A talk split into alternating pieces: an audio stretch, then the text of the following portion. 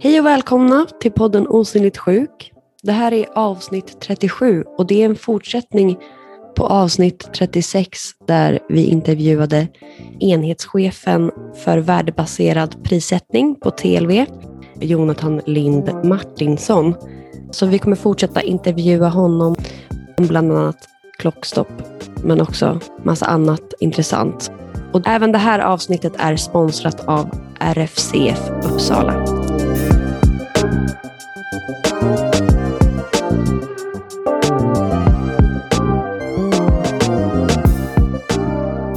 Så vad, vad innebär klockstopp och finns det några andra verktyg? Ja, klockstopp är ju egentligen kopplat till vår ansökningsprocess. Och det är helt enkelt om det är så att företagen behöver komplettera med större, något, något av större betydelse i en ansökan så brukar vi besluta om ett, ett klockstopp för att man ska kunna hinna göra det utan att behöva dra tillbaka och komma tillbaka igen utan man, man har fortfarande en process som pågår. Och den kan också vara så att man behöver ett klockstopp just för att få plats med en trepartsöverläggning till exempel. Att företaget då kompletterar med, om det lyckas, ett, eh, en sidoöverenskommelse i slutet. Jag förstod inte riktigt. För att få plats med en, en trepartsöverläggning? Överläggning i en sån här process. Om det är så att, att regionen är utrymme för att prata vidare om en eventuell sidoöverenskommelse till exempel, eller någonting annat i en sån här överläggning, så, så kan det också finnas en anledning för oss att ha ett sånt här klockstopp inom ramen för ansökan. Och det är helt enkelt för att spara lite tid, att man inte ska behöva dra, dra tillbaka sin ansökan varje gång man behöver komplettera med något som har större betydelse. Just det. Det får göras i max 90 dagar inom ramen för en ansökan. Och då är det ett klockstopp? Det kan vara flera, men det är max, max antal dagar. kan vara så man kan ta det i två, i två steg. 30 eh, dagar ena gången och 60 andra. Men det är max mm. dagar inom ramen för en ansökan. Och vi brukar säga att vi har max 180 dagar utan klockstopp på oss för att bereda en ansökan. Att hantera en ansökan innan vi fattar beslut. Mm. Eh, genomsnittet är däremot lägre. Det kan vara 120. 120 ja. Fyra, är det fyra månader? Det är fyra månader. Ja. Finns det några fler verktyg som är liknande klockstopp eller något annat som kan hända under den här um, förhandlingstiden eller vad man ska kalla det? Ja, egentligen, men sen är det ju inte så att det är enbart en sån här förhandlingsprocess också utan parallellt pågår ju också vår utredning så det är inte ovanligt heller att företagen då eh, vill komplettera sin ansökan med, med, nya underlag för att stödja sina argument. Då. Mm. Den, den processen, vår, vår utredningsprocess pågår ju parallellt med en trepartsöverläggning. Det blir inte så transparent. Processerna pågår parallellt och vi kan inte prata så mycket om det heller, exakt vad som händer. Eftersom eh, vi har en viss sekretess kring vår eh, verksamhet. Man hade ju kunnat tänka sig att man, man eh, gjorde vår utredning först och sedan hade en överläggningsprocess och sedan skulle vi behöva ta tillbaka det för, en, för att fatta beslut på hel, hela underlaget. Men då är det, också, det skulle också ta längre tid egentligen. Och för det mesta, om det är så att det tar, tar lång tid så är det ju för, mest, för det mesta så att det är svårt att komma överens om villkoren i en sån här överenskommelse. Och, eh, det kan också vara så att det är en prissättning som gör att det är svårt för oss att säga nej. Det kan ju också vara att underlaget som helhet är, är dåligt. Svårt för oss att säga ja menar du? Ja. Nej? Ja. Men så när Företaget lämnar in en ansökan eh, om att läkemedlet ska ingå i högkostnads högkostnadsskyddet så har ni 180 dagar på er att fatta ett beslut i frågan och då gör ni utredningen då också. Men om företaget får avslag och ska lämna in en ny ansökan om samma läkemedel igen så är det 180 dagar till som de har på den ansökan. Eller hur? Eller? Så varför måste då den nya ansökan av samma produkt har lika lång utvärderingstid? Det kan ju variera. 180 dagar är en maxgräns. Ja. Eh, så i vissa fall kan det gå fortare om vi har, har eh, tittat på produkten tidigare och ingenting annat har förändrats. Utan anledningen till att det är, det är ju oftast eh, ganska komplexa processer som, som tar tid och det, det, kan vara svårt att hitta en lösning. Oftast är det alltså, just när man pratar i samband med en trepartsöverläggningsprocess eh, som det ofta är aktuellt i samband med eh, sällsynta tillstånd. då, är det ofta, då kan det också vara så att det är väldigt svårt att komma överens om villkoren mellan företag och regioner. Det kan också vara, vara så att företagen vill skicka in nytt underlag. Det ger oss nytt underlag helt enkelt som, som vi måste utreda och ta ställning till. Så det kan variera eh, lite, lite från fall till fall hur lång tid det kan ta om vi får in en ansökan igen. För upprepade gånger. Mm. Så det är för att ha liksom marginal som det är lika lång tid på första och andra ansökan för samma? Ja, vi ser, det är ju en, det är en gräns eh, helt enkelt som är lika just för en, för en ansökan som sådan oavsett hur många gånger en, eh, en produkt har varit inne eller inte. Eh, så det är en maxgräns. Du menar 180 dagar? Ja. ja. Jag, jag, är det så att det inte alltid är trepartsöverläggning? De allra flesta läkemedel är det ju inte trepartsöverläggning på, utan där fattar vi beslut på, på det priset som, man eh, ser på apoteket helt enkelt, när man hämtar ut. Så det är just trepartsöverläggning och en sidoöverenskommelse, det är ett undantag ändå. Det är ju så mm. att vi, vi föredrar ju naturligtvis att man har ett, eh, ett AUP som det heter, apotekens utpris. Ett pris på apotek som vi fattar beslut på utan en sidoöverenskommelse. Eh, en sidoöverenskommelse och liksom hem, det är ofta så att eh, de villkor som finns i de här avtalen är också ofta hemliga för företagen tycker att det ser det som affärshemligheter. Och det blir ju, gör ju också att det är väldigt låg transparens i systemet. De faktiska kostnaderna och priserna syns på, på ett läkemedel. Och det är också svårt att göra korrekta jämförelser för oss. Och så. så mm. eh, vi föredrar definitivt att man ansöker om ett AEP som gör att vi kan fatta positiva beslut men skulle du föredra att, att, eh, att företaget var helt öppna med sin prissättning? Ja, det tror jag alla egentligen skulle föredra. Sen så är ju inte mm. det realistiskt egentligen, just när det gäller framförallt när det gäller eh, läkemedel för svåra tillstånd, till exempel sällsynta. Ganska vanligt för cancerbehandlingar också. Då är det ganska, ett, ett helt avgörande verktyg att kunna ha en trepartsöverläggning och en, eh, en sidoöverenskommelse som kan kopplas, kopplas till våra beslut. Det kan också vara ett viktigt verktyg om det är väldigt mycket större patientgrupper där, där man kan anta att det blir, kan få en betydande budgeteffekt på, på samhället som helhet egentligen. Mm. Eh, om, om, det skulle snabbt, om det snabbt skulle bli en, en stor användning av en ny produkt. Så. Men eh, det är ju fortfarande så att just sidoöverenskommelser ändå är ett undantag i vårt beslutsfattande.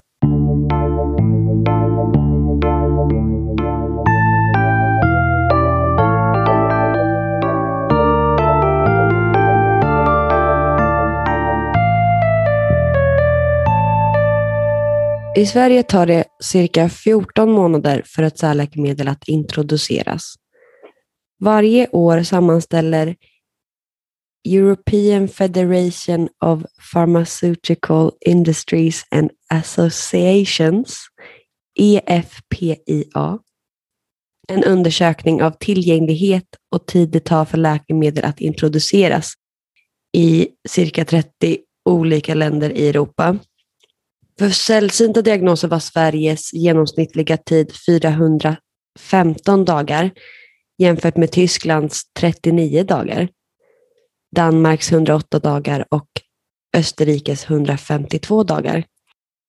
Dessutom så fastställdes det att bara 43 procent av läkemedlen som EMA godkänt för behandling av sällsynta diagnoser var tillgängliga här. I Europa ligger Sverige på tionde plats gällande tillgängligheten av alla typer av läkemedel och inom särläkemedel ligger Sverige på sextonde plats. Varför tror du att det ser ut så här och vad kan man göra för att förbättra det? Jag tror att det är en väldigt viktig diskussion som behövs. Vi tycker också att det är, det är, ganska, det är alltid svårt att göra den typen av jämförelser mellan länder. Och som jag sa förut så är det väldigt dålig transparens till exempel med prissättningen på den här typen av förhandlingar. Det är ofta hemliga avtal så vi vet inte vad andra länder betalar. Det är bara de enskilda företagen som vet vad de kostar i olika, olika länder. Men det är också ganska dålig transparens vad som faktiskt är tillgång för patienter. Det är, det är svårt att avgöra om en, en vad, vad ett, ett besked, offentligt besked på nationell nivå verkligen betyder i praktiken när det gäller tillgång. Är ett nej alltid ett nej eller finns det ändå en användning? Är ett ja alltid ett ja eller är det ändå en begränsad tillgång i praktiken? Så det är lite svårt att göra den jämförelsen rakt av. Eh, framförallt för att det är så dålig transparens kring både prissättning och, och faktisk användning. Sen kan det också vara så att en hel del av de här behandlingarna som man har mätt här också, jag tror att man för svensk del har klassat tillgång som att om det finns ett positivt TLV-beslut eller en NT-rådsrekommendation. Men sen finns det ju också ganska många, många läkemedel som inte granskas, framförallt det som upphandlas då, som man får direkt på, på sjukhusen. Vad som, menar du nu? Förlåt, jag förstod inte riktigt. Jo, om, du, om, du har ett om du har ett läkemedel som är, har särläkemedelsstatus och, och man får det direkt på sjukhus, alltså inte hämtar ut det på apotek. För där, har vi, där tittar inte Sverige på alla, utan där fattar regionerna sina egna beslut för det mesta. Vi tittar på de största tillsammans med NT-rådet. NT-rådet kan nominera sällsynta eller ja, utvärderingar av det som de bedömer är de viktigaste produkterna på, på sjukhussidan. Så mm. det finns risk för att man missar en hel del i just den här mätningen för svensk del. Okej, okay, för det, det inte går genom TLV och NT-rådet? Nej, precis. Utan det, okay fattas beslut. Man tycker att det behövs inte en nationell hantering utan det finns, kan finnas en användning ändå på regional sjukhusnivå. Men med det sagt så kan man ju ändå konstatera att det, om man tittar i den här undersökningen så är det nog ändå eh, om man pratar om icke-onkologiska läkemedel eller för sällsynta tillstånd att det är ändå om man ser runt om i Europa så, så framstår det som att det är där som det offentliga, både i Sverige och i andra länder, står längst ifrån industrin när det gäller prissättningen. Är det så att alla länder får samma pris av företagen? Eller få, kan de få olika pris av företagen på samma läkemedel? Ja, det är ju det som är så svårt just när det gäller eh, ganska viktiga läkemedel. Utan oftast är det ju ett hemligt avtal i alla länder. Och, så man vet inte vad andra betalar. Det är ett av problemen med de här eh, med prissättningen i Europa. Det, kan, det beror ju också till viss del då på att det finns något som kallas för, kallas för referensprissättning. Att en del länder sätter priser baserat på vad andra länder har, har satt för pris. Eh, och då blir det någon form av rundgång där. Och det betyder också då att eh, om det är något land som ändå skulle vilja sätta ett lägre pris så får inte företagen med på det för det påverkar i där eh, prissättningen i flera andra länder.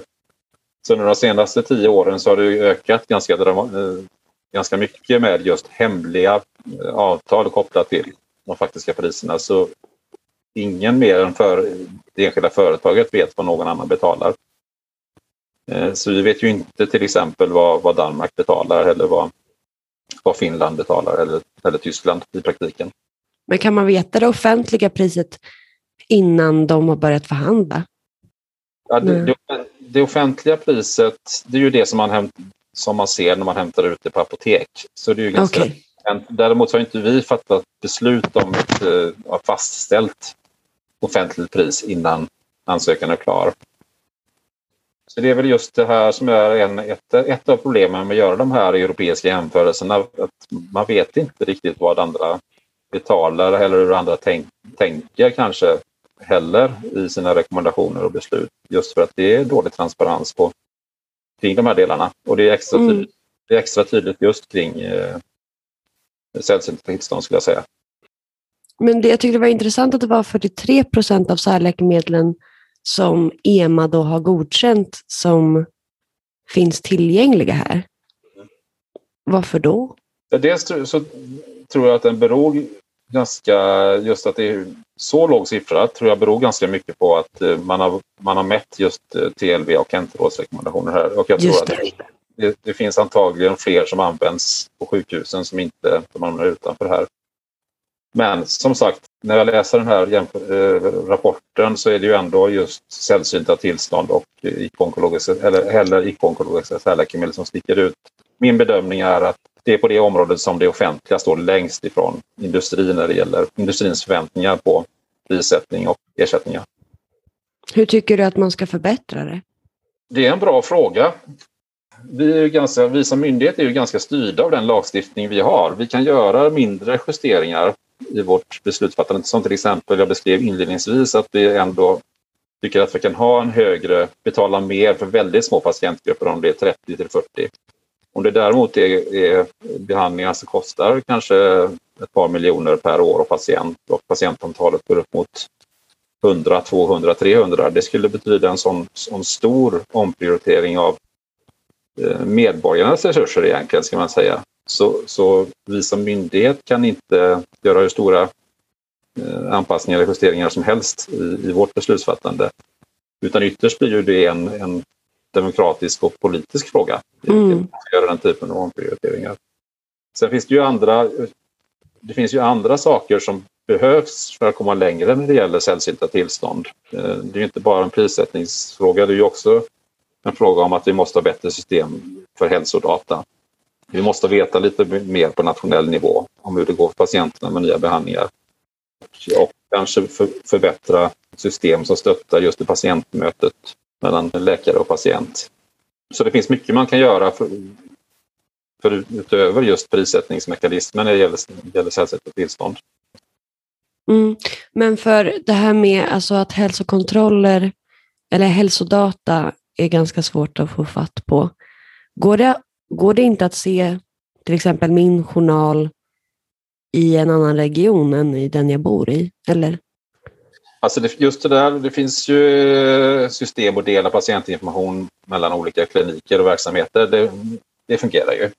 Däremot så på, på nationell nivå, om man skulle, till exempel skulle vilja koppla prissättningen med hälsodata och hur, det faktiskt, hur läke, ett läkemedel faktiskt fungerar i praktiken och följa upp och så betala en ersättning till industrin utefter, utefter det. Den, den, eh, det saknas ju lite grann i Sverige idag. Det finns ju vissa kvalitetsregister som har ganska bra information som, har, som, också, som har, finns på nationell nivå men det finns ju inte på alla tillstånd. Men det är i alla fall så att Sverige och Malta är de enda EU-länderna som inte har antagit en nationell strategi för sällsynta hälsotillstånd. Färska studier visar att Sverige nu halkar efter flera av våra nordiska grannar och europeiska grannländer när nya godkända läkemedel riktade till just små patientgrupper med begränsad budgetpåverkan. Är det därför som Sverige halkar efter, för att vi saknar en nationell strategi?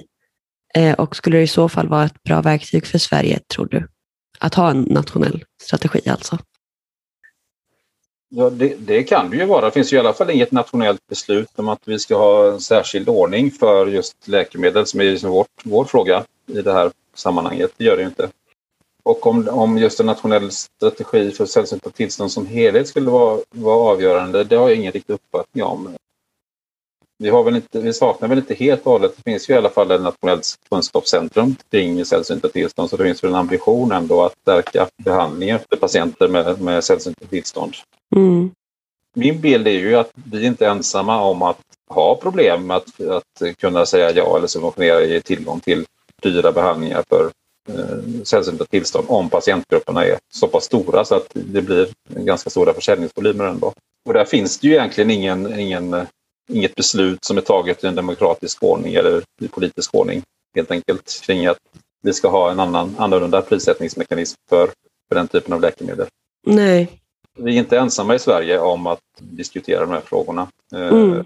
Det är min, min uppfattning är att det ser väldigt olika ut när det kommer ett nytt angeläget läkemedel som, som utmanar pris, prismässigt. Att eh, besluten fattas i väldigt olika takt runt om i, i Europa.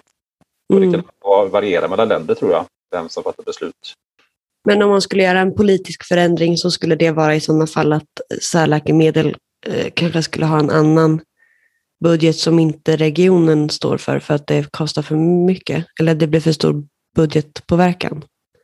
Jag kan inte tycka så mycket om vi ska ha den här Nej. politiska förändringen eller inte. Som jag, man statstjänsteman ska man inte ha så mycket egna åsikter. Men, men det är klart att politiken har ju alltid möjlighet att, att styra den offentliga verksamheten både på nationell och regional nivå.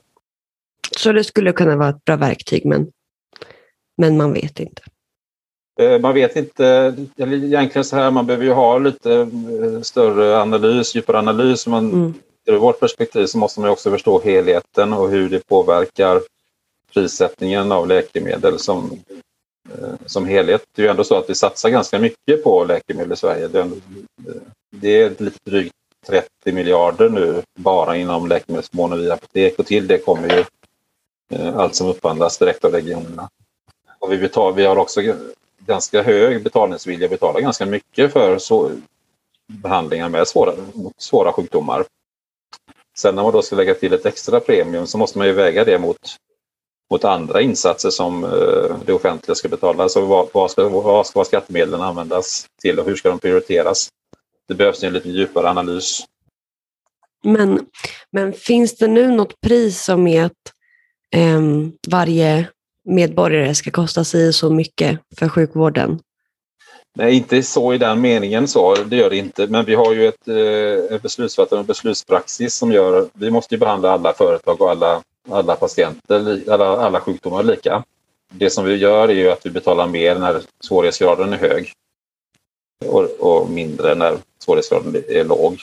Så man kan väl grovt, grovt förenklat säga att eh, ett riktmärke för en mycket hög svårighetsgrad som ofta, oavsett om det är sällsynt eller inte, det är eh, en miljon kronor per kolli som vi pratade om tidigare.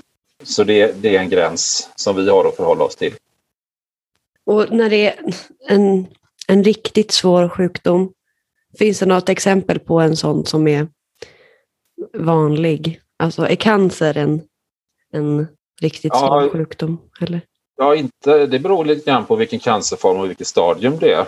Det, finns, det är ju ganska brett spektrum där också. Det finns ju cancerformer som är svårare än andra. Men det är ju ofta cancerläkemedel som hamnar i den kategorin. Men det är ju också läkemedel för, för sällsynta tillstånd till exempel och andra svåra sjukdomar. Det är ju oftast för att man ska klassas som mycket högre svårighetsgrad så det som krävs är ju ofta att det har en betydande effekt på förkortat liv, att större, risken att, av, att dö helt enkelt är, är hög. Just det.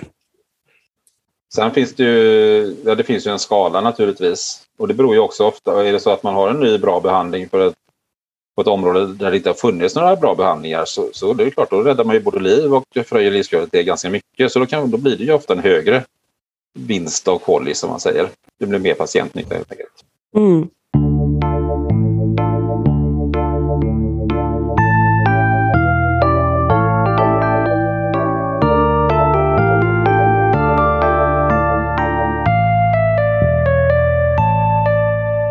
I Danmark och Finland har man dragit slutsatsen att godkännande av pris på läkemedel till små patientgrupper med sällsynta diagnoser inte passar in i traditionell Health Technology Assessment, HTA, och de tillämpar därför alternativa prismodeller.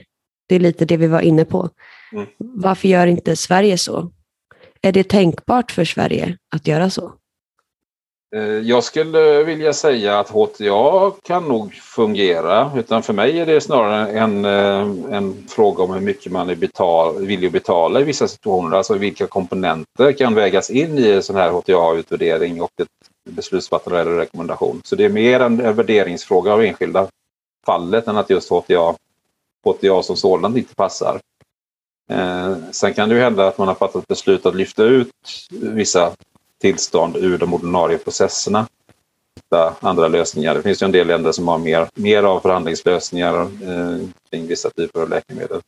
Så vi ser det, vi, som, vi, är ju ganska, vi är ju väldigt lagstyrda. Vår verksamhet är ju, vi har en egen lag som vi måste följa som är skriven just för det här syftet. Eh, och vi kan göra mindre justeringar i, i vårt beslutsfattande eh, i den om det, om det då finns eh, utrymme i, lag, i de skrivningar som finns beskrivet i, i lagen och de förarbeten eller sättet att tänka som eh, man hade när man tog fram den här lagen. Är det så att det kommer bli större komponenter, till exempel om större patientgrupper eller större försäljningsvolymer, om det blir en större påverkan på den sammanlagda eh, läkemedelsbudgeten i Sverige så kan inte vi som enskild myndighet ta den typen av beslut. Utan då blir det ytterst en det är ju ändå, ändå alla medborgares pengar, så det blir en, en demokratisk och politisk fråga i vissa delar. Mm. Om ni som myndighet förstår att ert sätt att arbeta inte fungerar så bra som det skulle kunna göra, skulle ni kunna ge förslag till regeringen att ändra på det arbetssättet eller det tillvägagångssättet ni har just nu, eftersom det inte är ni som har bestämt det från början, utan regeringen. Det är ju alltid regering och riksdag som, som beslutar om hur myndigheter ska, ska styras, inklusive oss. Mm. Eh, och det är alltid en dialog mellan myndigheter och eh, departementen. Eh, just i det här fallet så har vi vi hade en läkemedelsutredning som kom för ett antal år sedan och i vårt remissvar där så pekar vi ändå ut att vi har en styrande prisparagraf som vi ska ta hänsyn till i vår lagstiftning. Och det, den är också skriven ganska, ganska brett och vi tycker att det blir allt mer problematiskt att vi måste använda den på alla situationer som finns. Vi har ju allt från sällsynta tillstånd, cancerläkemedel, folksjukdomar och eh, vi ska också applicera den på lite äldre läkemedel som till exempel har tappat patent där det finns kopior som kallas för biosimilarer. Så den här prisparagrafen att vi har en och samma som vi måste applicera i alla situationer, det upplever vi som allt mer problematiskt. Eh, och det har vi också talat om. Mm. Sen exakt hur det behöver utvecklas, eh, både, både tillämpning av den lagstiftning som finns eller om, om vilka justeringar som, som kan behövas göras. Där ser vi att man kan behöva ha en djupare, djupare analys helt enkelt för att veta vilken, vilka vägval man behöver göra. Sen är det ju också till det så, så har vi ju det finns ju ändå en del utveckling som pågår. Vi har ju fått ett eh, antal uppdrag från regeringen. Dels eh, så har vi fått uppdrag att titta på avancerade terapier. Alltså, eh, det är ju oftast inte sånt som man använder på apotek utan det är ju, det är ju en, någonting där man ändrar något, en ganska ingående genetisk struktur med hjälp av en behandling. Och det har särskilda utmaningar. Så där tittar vi ju också på vilka utvecklingsbehov som kan behövas. Både, både på den medellånga sikten, både på kort och lång sikt kan man säga. Eh, och det kan, göra, det kan handla dels allt ifrån hur vi gör våra bedömningar, eh, vilka, vilka, vilka kriterier som bör vägas in och också hur man då kan ersätta industrin. Kanske just baserat på faktiskt patientnytta som man kan mäta när man börjar använda eh, nya behandlingar. Så det är en del. Vi har ju också uppdrag när det gäller hälsodata och real data där vi också tittar vidare på, på vissa delar, för det är också en väldigt viktig komponent oavsett liksom hur, hur, vilka kriterier man ska väga in i, i prissättningen så är en av nycklarna är just att vi kan få fram mer hälsodata på nationell nivå. Så det finns ju en del som pågår och vi redogör för en del i, inom ramen för de här eh, regeringsuppdragen. Sen exakt hur prioriteringar som behöver göras det kan vi inte svara på i dagsläget. Mm. Som avslutande fråga, hur kommer Sverige klara framtiden när forskningen går framåt och fler läkemedel inom sällsynta sjukdomar kommer komma? Kommer man få ändra arbetssätt för att kunna bemöta det här behovet? Är vi tillräckligt rustade för det här? Eller vad tror du krävs för att vi ska hänga med i utvecklingen? Jag tror att en, en av nyckelkomponenterna är just att vi kan få fram hälsodata så att det kan kopplas på ett bättre sätt till prissättning och ersättning till industrin.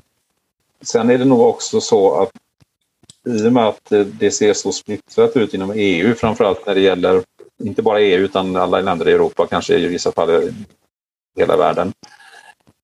Och det är extra tydligt när man pratar om läkemedel för sällsynta tillstånd så det är nog också en diskussion och en större samsyn på europeisk nivå som är en nyckel. Vi vet, det, kom, det finns förslag och det finns ett arbete att ta fram ett, ett gemensamt, en gemensam eh, EU-process eh, när det gäller HTA-utvärderingar.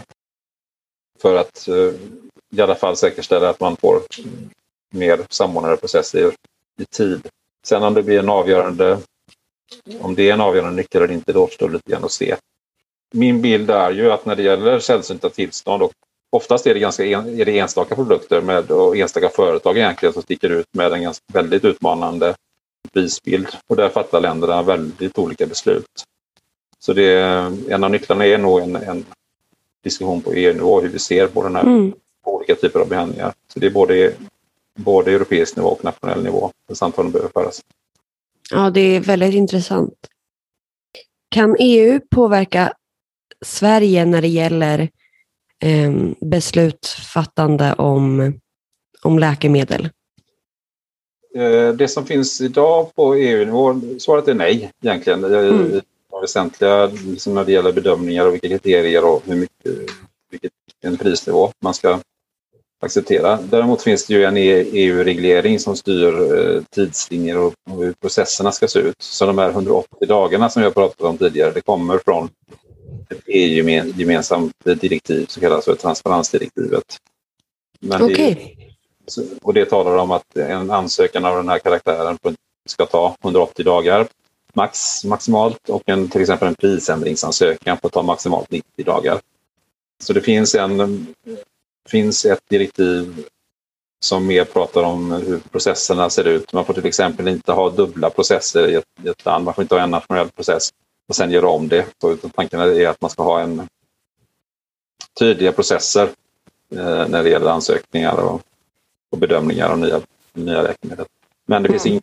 ingen, ingen EU, EU kan ha ingen har inget direktiv som, som, som beskriver hur länderna ska göra sina prioriteringar och hur, eh, hur man ska se på läkemedelspriser som helhet. Vad menade du med att man inte får två parallella utvärderingar samtidigt? Nej, men det, man, om man har en nationell process så får man inte lägga till eh, en, en prissättningsprocess, till exempel i varje region om man pratar om Sverige. Så, som vi, så det talar det här direktivet om att man måste ha en process för bedömningar av, eller prissättning av, av nya läkemedel. Mm. Det är ju riktat också till det som man hämtar på apotek, alltså inte sjukhusläkemedel. Ja, men så Tyskland och Sverige har till exempel i alla fall lika många dagar på sig att besluta om ett läkemedel Ja, egentligen alla länder. Ska bli tillgängligt. Ja, så, mm. så en sån här process, eh, sen man ansöker hos oss, det är egentligen det som den i huvudsak talar om, att det är där vi får en maximal gräns på 180 dagar. Så, så den, det direktiv som finns idag, det beskriver eh, enbart hur, hur en eh, minsta nivån på något sätt på hur processerna ska gå till i, i varje enskilt land. Men då säger vi stort tack till dig Jonathan för att du har varit med och svarat på alla de här svåra mm. frågorna och många frågorna.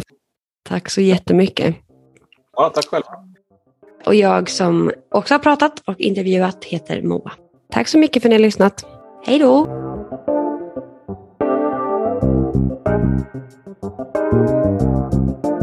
Thank Thank you.